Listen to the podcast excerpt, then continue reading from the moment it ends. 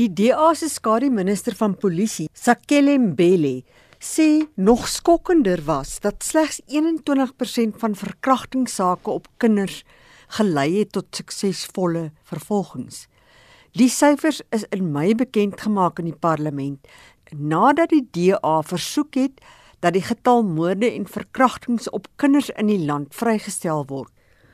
Mbele glo die oorsaak van die hoë syfer is omdat die meeste geweld spruit uit die disfunksionele huisgesinne en gemeenskappe van die land. Given what we know about the violence uh, history of our country um, and the many dysfunctional families and, and communities plagued by social ills, I think those are the major factors that feed into this high child murder counts. In die tydperk tussen 2014 en 2017 was daar volgens die antwoord deur die minister van polisie sowat 2689 moorde op kinders met slegs 948 suksesvolle vervolgings.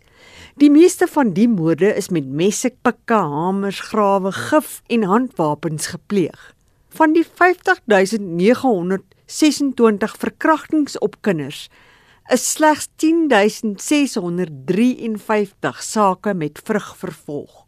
Mbele sê dat die DA se ondersoek bevind het dat baie polisieamptenare wat in kindereenhede werk self aan misdade skuldig is. What we found when we've done oversights at the FCS units is that basically there's a problem of mismanagement that's long been in the police service. Because you find that with some of these convictions, it's either something that could easily be taken care of by an expungement of the criminal record if the person so applies, especially for a criminal record that's from years ago or that is for a very a very minor offence. I see it as a voorbeeld van swak bestuur. And the picture should not look as bad as it does if the basics of management were being done right consistently over the past number of years. Kinders is blootgestel in ons land. Aldus Mbele.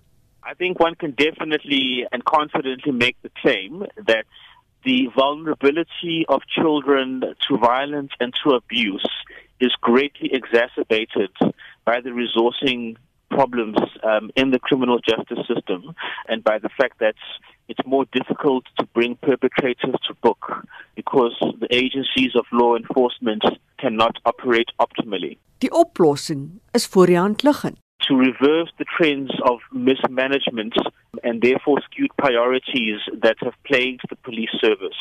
You've got to start with good quality management, making sure that all appointments and promotions are on merit. And then you need to make sure that you have the right priorities in place so that you can address the understaffing, under resourcing, under equipping, and under training that is worst at station level.